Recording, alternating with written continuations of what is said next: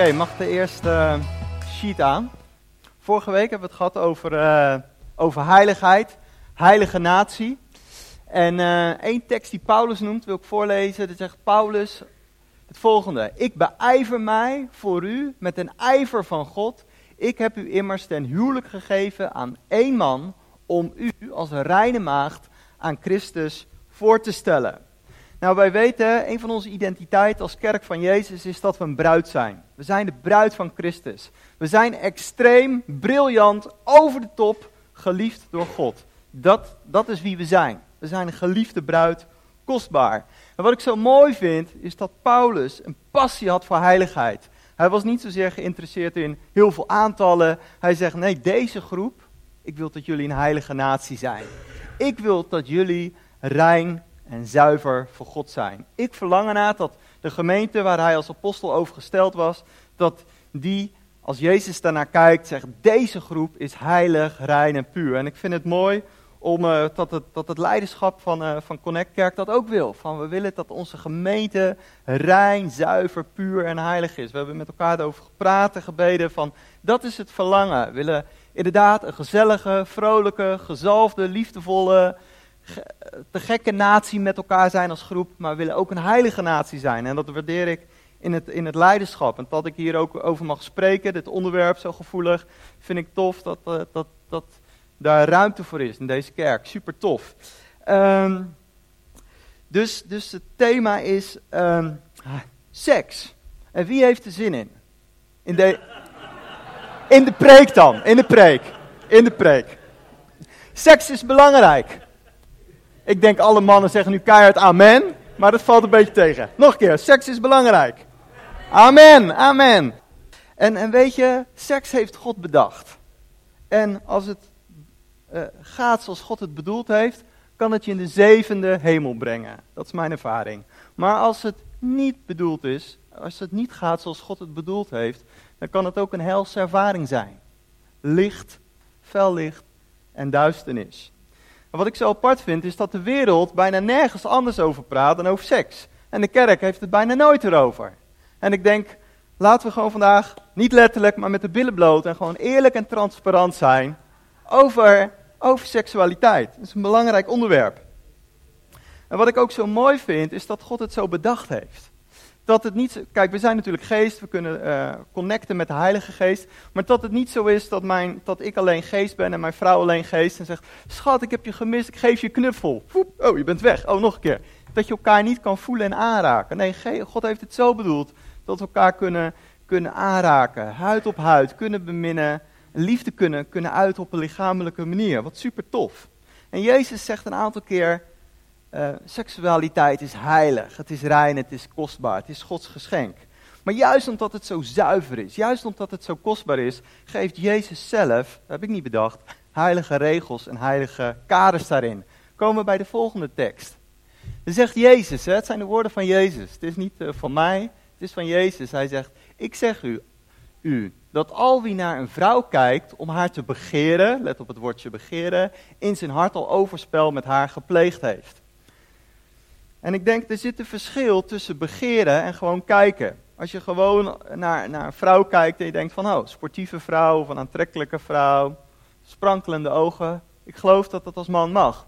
Maar begeren, en als je gewoon richt op de beroemde drie B's, de benen, de billen en de borsten, en je denkt van, daar wil ik wel wat mee, en je fantasie begint op hol en begint te verlangen, dan zegt Jezus, hé, hey, dat is verkeerd, dat is fout. En Jezus die zegt dat zo radicaal, Waarom? Omdat hij passie heeft dat, dat het goed gaat. Dat het bedoel, gaat zoals God het bedoeld heeft. En wij leven in een wereld die super pervers is, die super onrein is, die super vergiftigd is. Ik denk als, je, uh, als, als een mannen van, van 60 jaar geleden zouden leven in deze tijd, ze zouden, oh, ze zouden, huh, wat is er gebeurd met deze maatschappij? Ook als je kijkt naar de ondergrondse kerk in China, dan, die, sommige mensen die worden natuurlijk vervolgd vanwege hun christelijk geloof in China. Als ze dan naar het westen gaan, dan kijken ze en zeggen, wat een vervolging is hier. Wat een vervolging? We hebben helemaal geen last van vervolging. Hij zegt, de, zeggen, die, die, leiders vanuit China, die zeggen, er komt zoveel onreinheid op de ogen, want bij mannen werkt het vaak door de oog af. Het is ongelooflijk. Het volgende plaatje, Ik denk van, ik kan niet misschien zo heel goed zien door het licht, maar een demoontje die probeert die ogen te pakken van zowel man als vrouw, om ons voortdurend te, te vergiftigen en te vervuilen. En wat abnormaal is, wil de duivel voortdurend zeggen dat is normaal. Daarom is het zo goed om in de Bijbel te zijn en om elkaar de waarheid te zeggen. Wat is waarheid en wat is leugen? Wat is rein en wat is onrein? En ik heb echt een hele diepe passie voor reinheid. Ik heb samen met een vriend heb ik ook een, eh, een websiteje gemaakt dat heet www.rijnzijn.nl. Omdat ik geloof, als de kerk rein gaat worden, gaat de profetische kracht en de bovennatuurlijke kracht van God met, met geweld stromen. Ik heb daar passie voor. En um, wat ik heb gemerkt is van uh, reinheid is de plek ook van aanbidding. Ik wil rein leven, niet omdat ik me dan niet slecht, schuldig of wat dan ook voel. Nee, ik wil rein leven omdat ik God aanbid. Mijn visie voor reinheid is omdat ik van God hou. Omdat Hij mijn passie is, omdat Hij mijn alles is. En eh, heel vaak denken mensen, ja, maar als je eenmaal spreekt op een podium, dan heb je er geen last meer van. Nee, als man moet je gewoon goede keuzes maken radicale keuzes maken. Soms heeft dat gewoon met praktische wijsheid te maken en prioriteitenstelling. En uh, het is heel goed om te beseffen dat, dat eigenlijk die, die vrouwen op internet, um, dat heel veel procent daartoe gedwongen is om daar te zijn. Wij denken ze hebben er vrijwillig voor gekozen om mooi, bloot en naakt op internet te zijn. Absoluut onzin. Heel veel vrouwen die daar uh, op staan, die zijn er gedwongen of doen het om geld te verdienen, omdat ze anders hun, een, een opleiding van hun kinderen niet kunnen doen. Als je hebt zo'n documentaire, christelijke documentaire, dat heet Nefarious, is onder andere in Amsterdam gefilmd, en dat gaat daarover. Dat zegt van um, heel veel vrouwen die op internet staan, ze worden uitgebuit, er zit een duisternis achter om, om dat vrouwen zogenaamd even vrolijk en een beetje uh, naakt zijn, dat iedereen denkt, oh die hebben het fantastisch. Nee, er zit een hele verdrietige, sneuwe wereld achter. Dus even heel radicaal. Als je een man bent en je gaat wel eens de fout in, besef dan dat zo'n vrouw 9 van de 10 gewoon gedwongen is. En dat er heel veel ellende achter zit waarom zij doet wat zij doet. En ik geloof dat er in Jezus gewoon overwinning is. Dat er vrijheid is.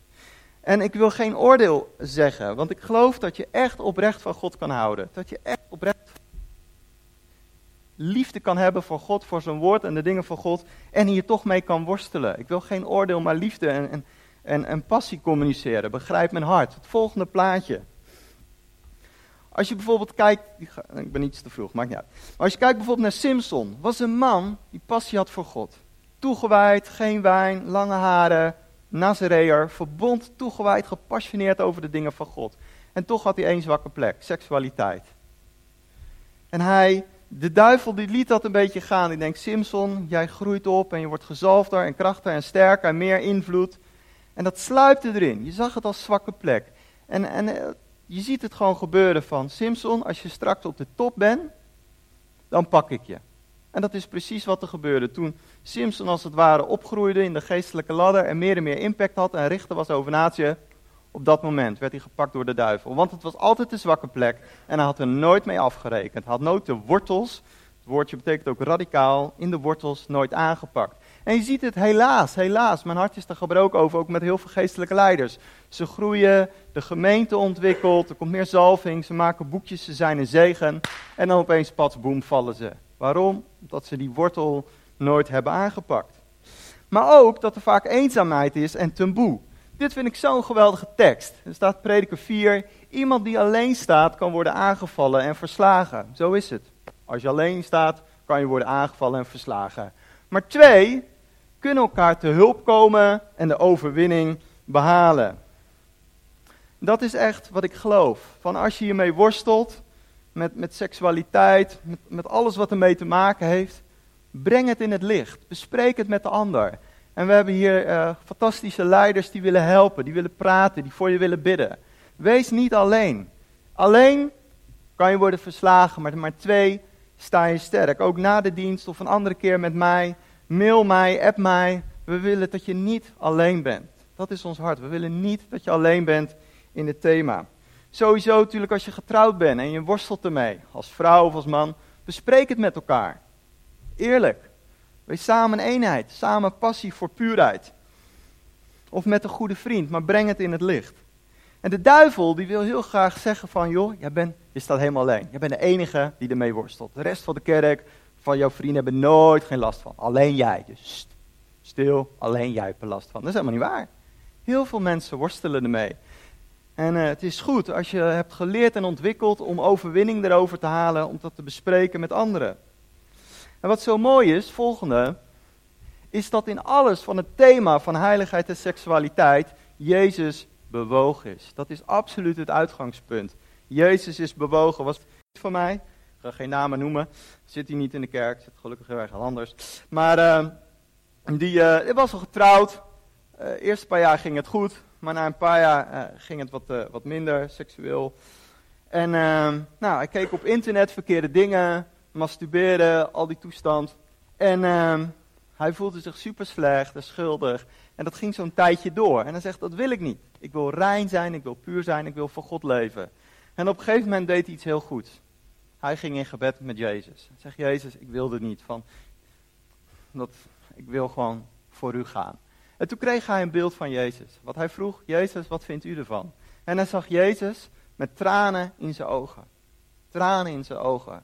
Niet vanuit veroordeling, maar vanuit liefde, van zorg en compassie. Wat Jezus eigenlijk zei, ik zie jouw worstelingen, ik zie jouw strijd, ik zie jouw moeite. Het is niet dat Jezus zegt, kom Nee, compassie van Jezus en bewogenheid. En dat heeft bij hem zo erg geholpen dat, dat hij daar uh, een groeiproces positief over gehad heeft. Weet je waarom? Dat Jezus compassie heeft over waar we ook mee worstelen op het gebied van seksualiteit en alles wat ermee te maken heeft. Jezus heeft compassie. En in de voorbereiding zat ik ook te denken van, maar er zijn ook mensen hier uh, in deze kerk, in de kerk in zijn algemeenheid, die, die um, bijvoorbeeld je man of je vrouw is al overleden. Of je bent al heel lang vrijgezel. En je, je wil, eh, die, die, dat geschenk van God wil je ervaren. Dat, dat ik dacht van, ik wil ook die mensen niet vergeten. Want het is lastig als je vrijgezel bent of je partner is vroeg overleden gebied van seksualiteit en je wil van God gaan, is lastig, is moeilijk. En ik heb daar gewoon geen oplossing voor. Helaas.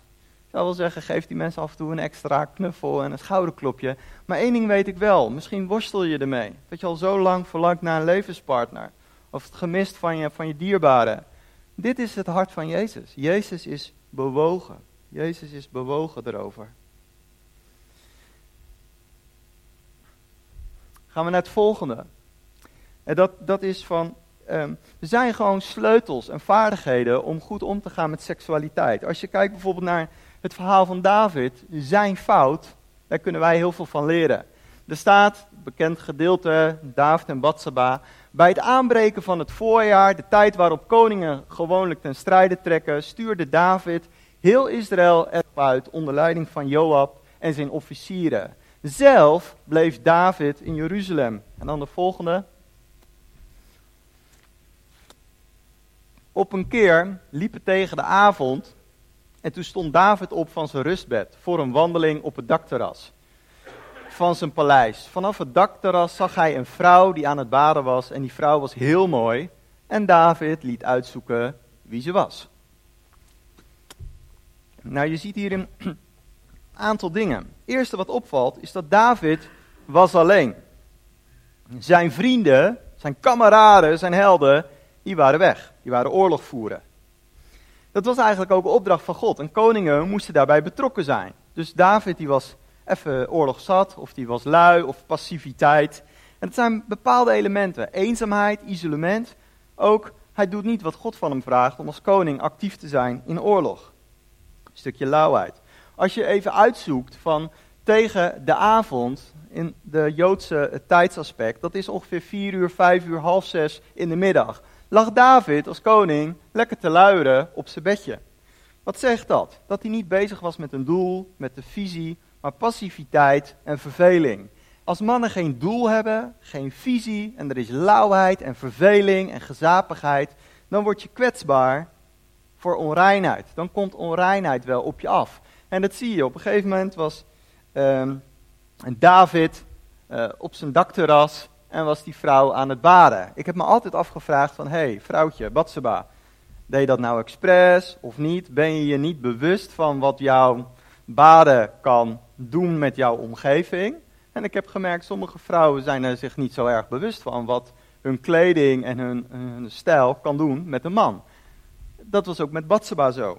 Toen kon David zeggen, oh, uh, hey, een vrouw, mooi, uh, andere kant op kijken. Nee, maar David, ik denk dat de begeerte in zijn hart kwam en hij maakte fout doordat hij liet uitzoeken wie zij was. En David had kunnen leren van Job. David had kunnen leren van onze grote vriend Job. Volgende sheet. Op een gegeven moment wordt natuurlijk eh, Job door zijn vrienden aangevallen. Van Job, je hebt het allemaal aan jezelf te danken dat je in die ellende zit. Schuld, aanklacht. En Job zegt, nee jongens, want ik heb een verbond gesloten. Ik had een overeenkomst gesloten met mijn ogen dat zij niet met lustgevoel naar vrouwen zouden kijken.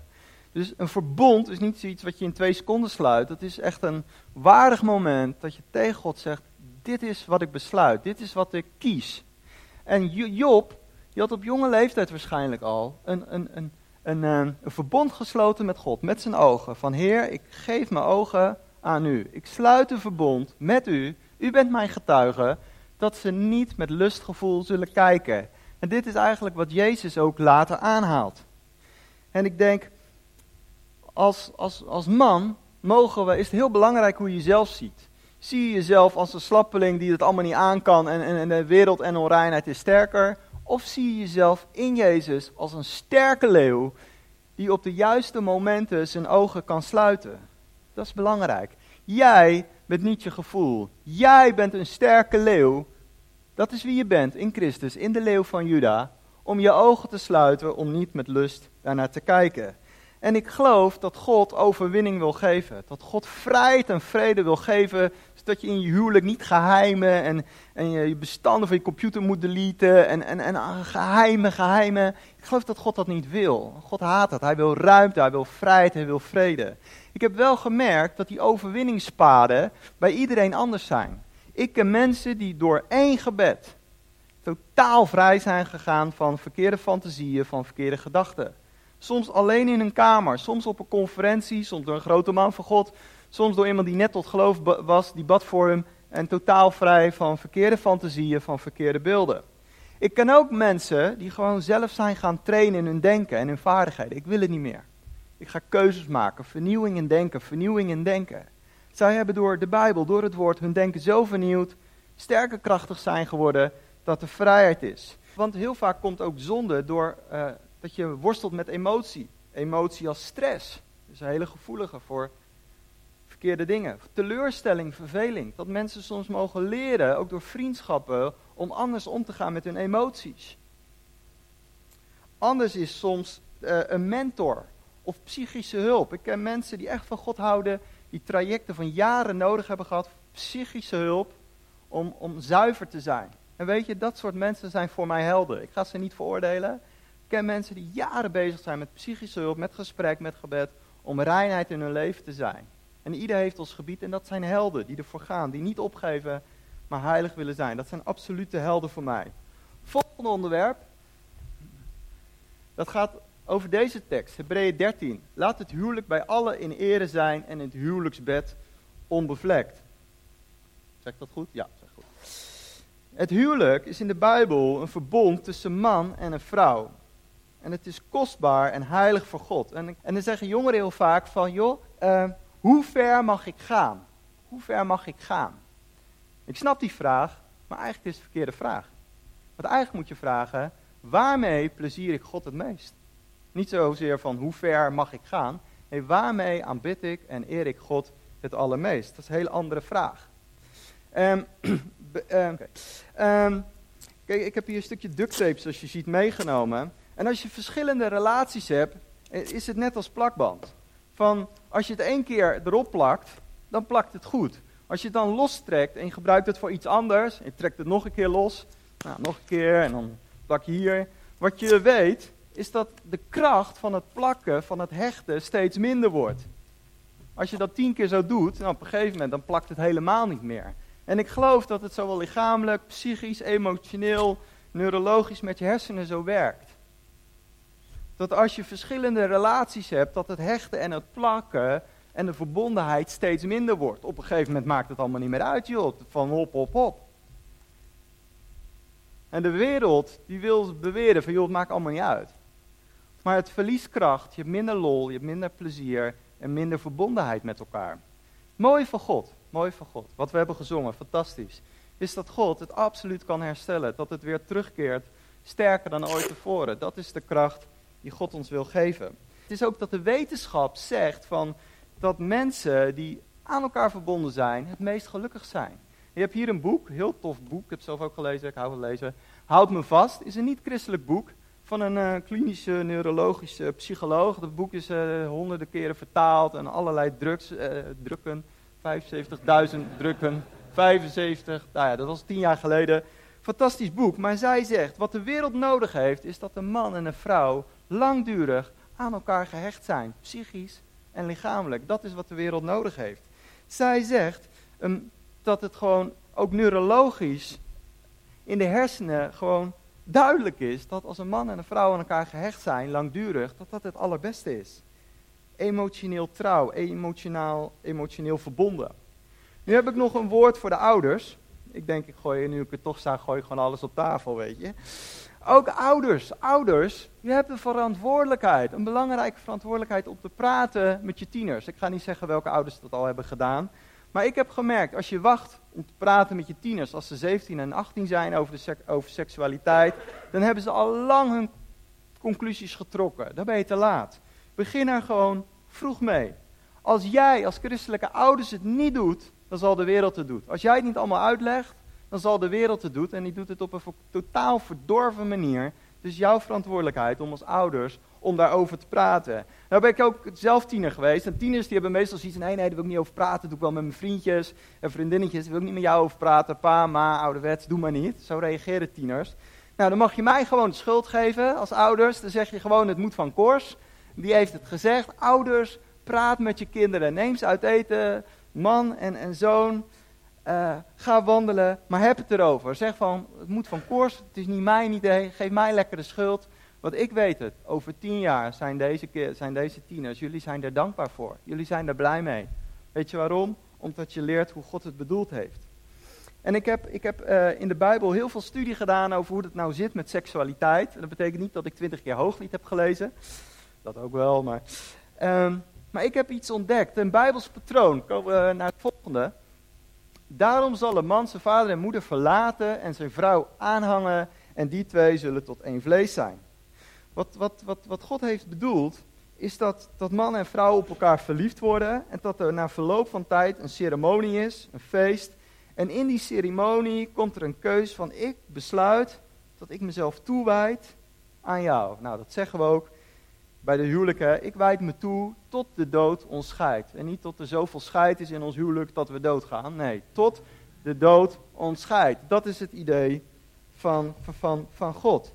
En wat zo mooi is, dat de omgeving het mag zegenen. Dat is het idee van God.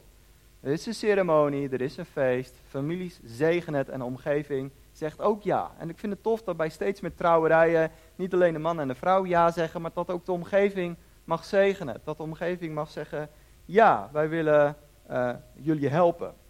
Wat ik ook zie is dat vanuit de Bijbel, zo zie ik het, dat, dat seks Gods huwelijkscadeau is voor op de trouwdag. En toen ik 18 was, toen vroeg ik aan een mentor die ik had, ik heb altijd wel mentors gehad, omdat ik daar heel erg in geloof, van joh, uh, hoe moet ik daar goed mee omgaan? Ik wil er mee omgaan zoals God het heeft bedoeld.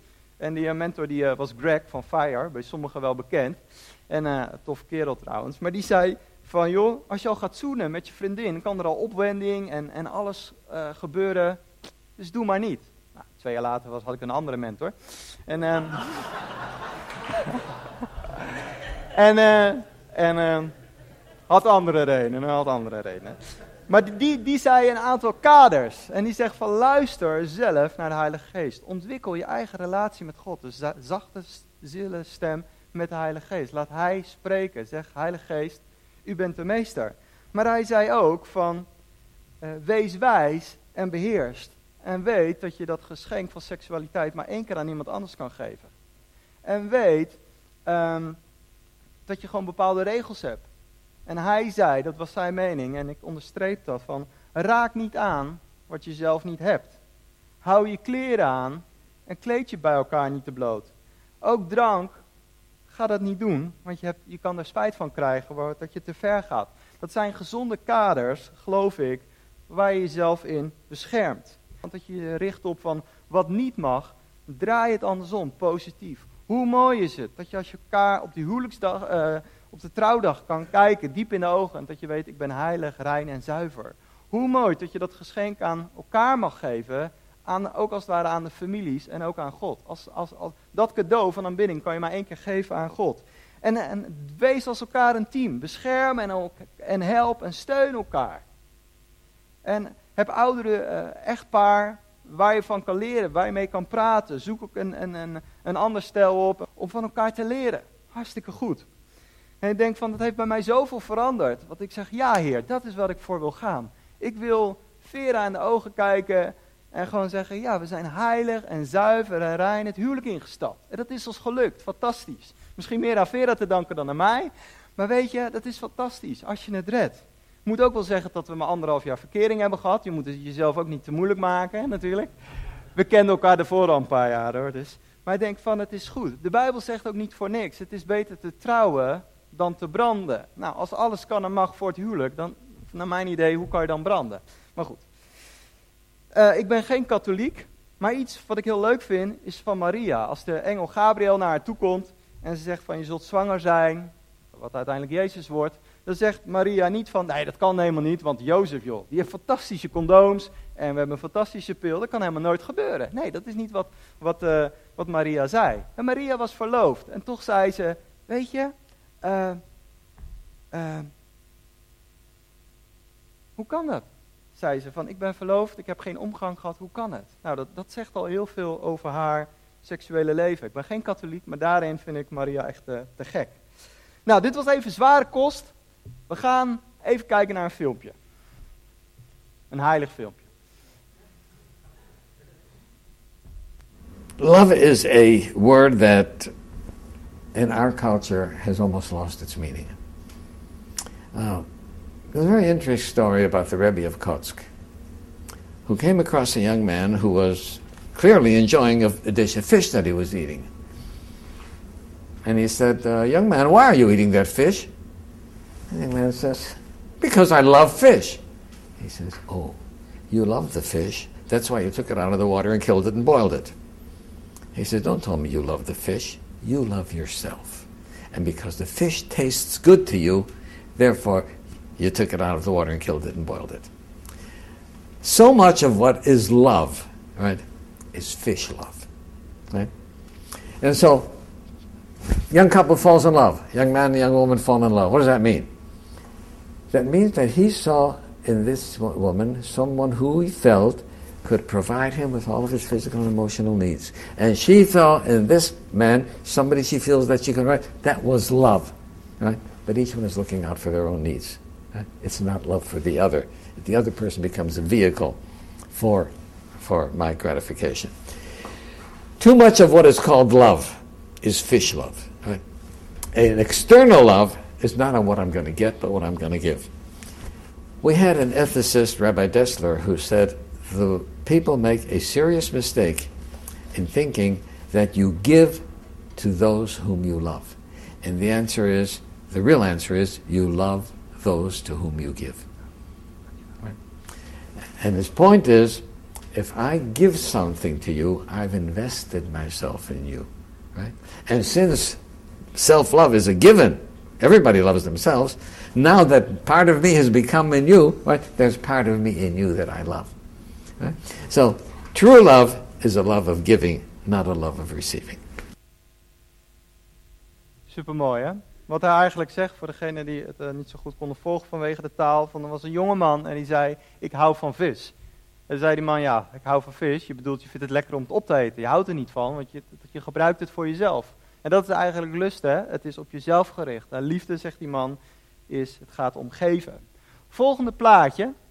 Er staat, oh ja, dit is het verhaal van Abraham en Sarah. Dat Sarah dat woord krijgt op late leeftijd van, je zult nog een zoon uh, krijgen met het nageslacht. En weet het dat Sarah dan lacht en dan zegt ze, zal ik nog, en de, de herziende staatvertaling die vertaalt het goed, liefdesgenot hebben nu ik oud geworden ben. En dat vind ik zo'n fantastisch woord.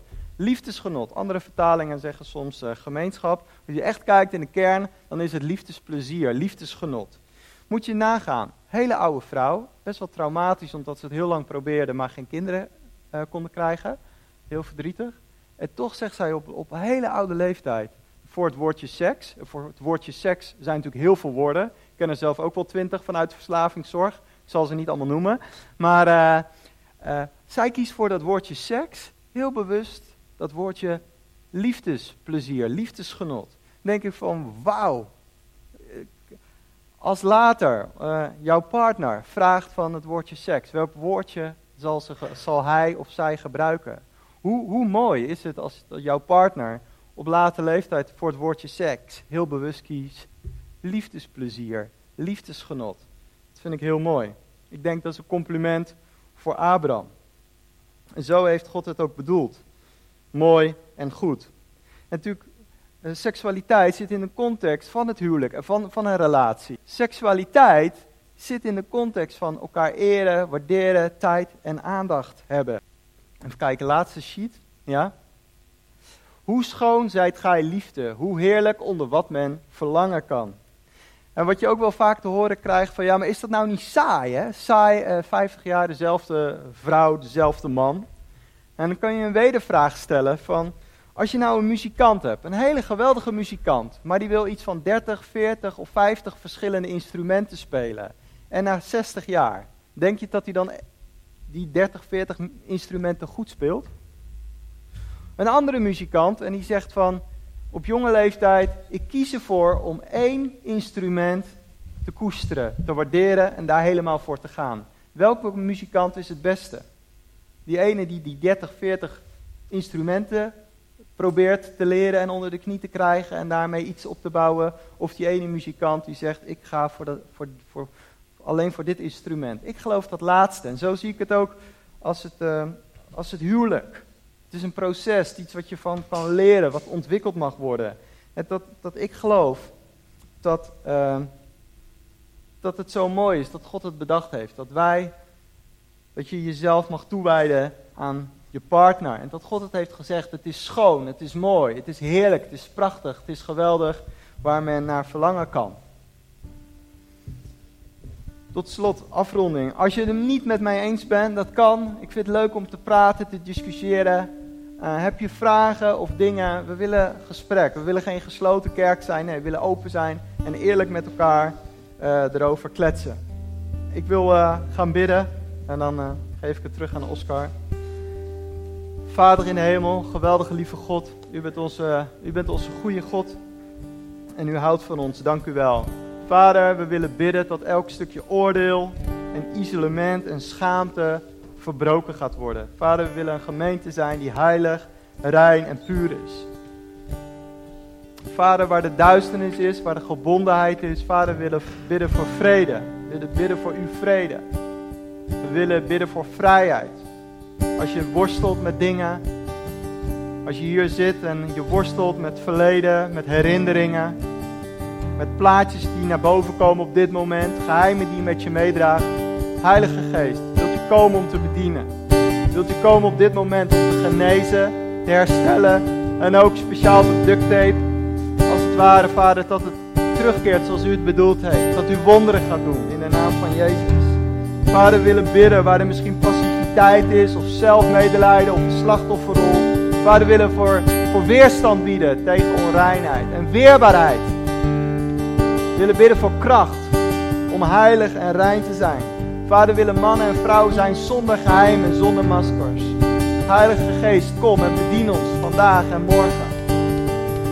Kom met een stroom van heiligheid in onze gemeente, in ons midden. Kom met licht, Vader. Kom met licht. En misschien kun je gewoon even symbolisch je handen open doen, als je wil. Handen open doen. Vader, u komt op dit moment met licht. U komt met licht in duistere plekken. U komt met vrede waar de onvrede is. Vader, u komt met genezing, met heelheid en herstel waar verwonding is. U komt met kracht. U komt met sterkte waar misschien passiviteit is. Komt met vreugde. Komt met plezier. Vader, geef ons uw ogen. Laat ons zien zoals u het ziet. Laat ons lief hebben wat u lief heeft. En laat ons haten wat u haat. Kom op dit moment. Bedien ons, Heilige Geest. Bedien ons. En leer ons. Als we zo vaak zingen, vorm ons en kneed ons. Vorm ons. Vorm ons. Vader, we willen bidden voor openheid. Voor openheid. Als je nog verder wil praten of gebed wil, kan na de dienst uh, naar ons toe komen.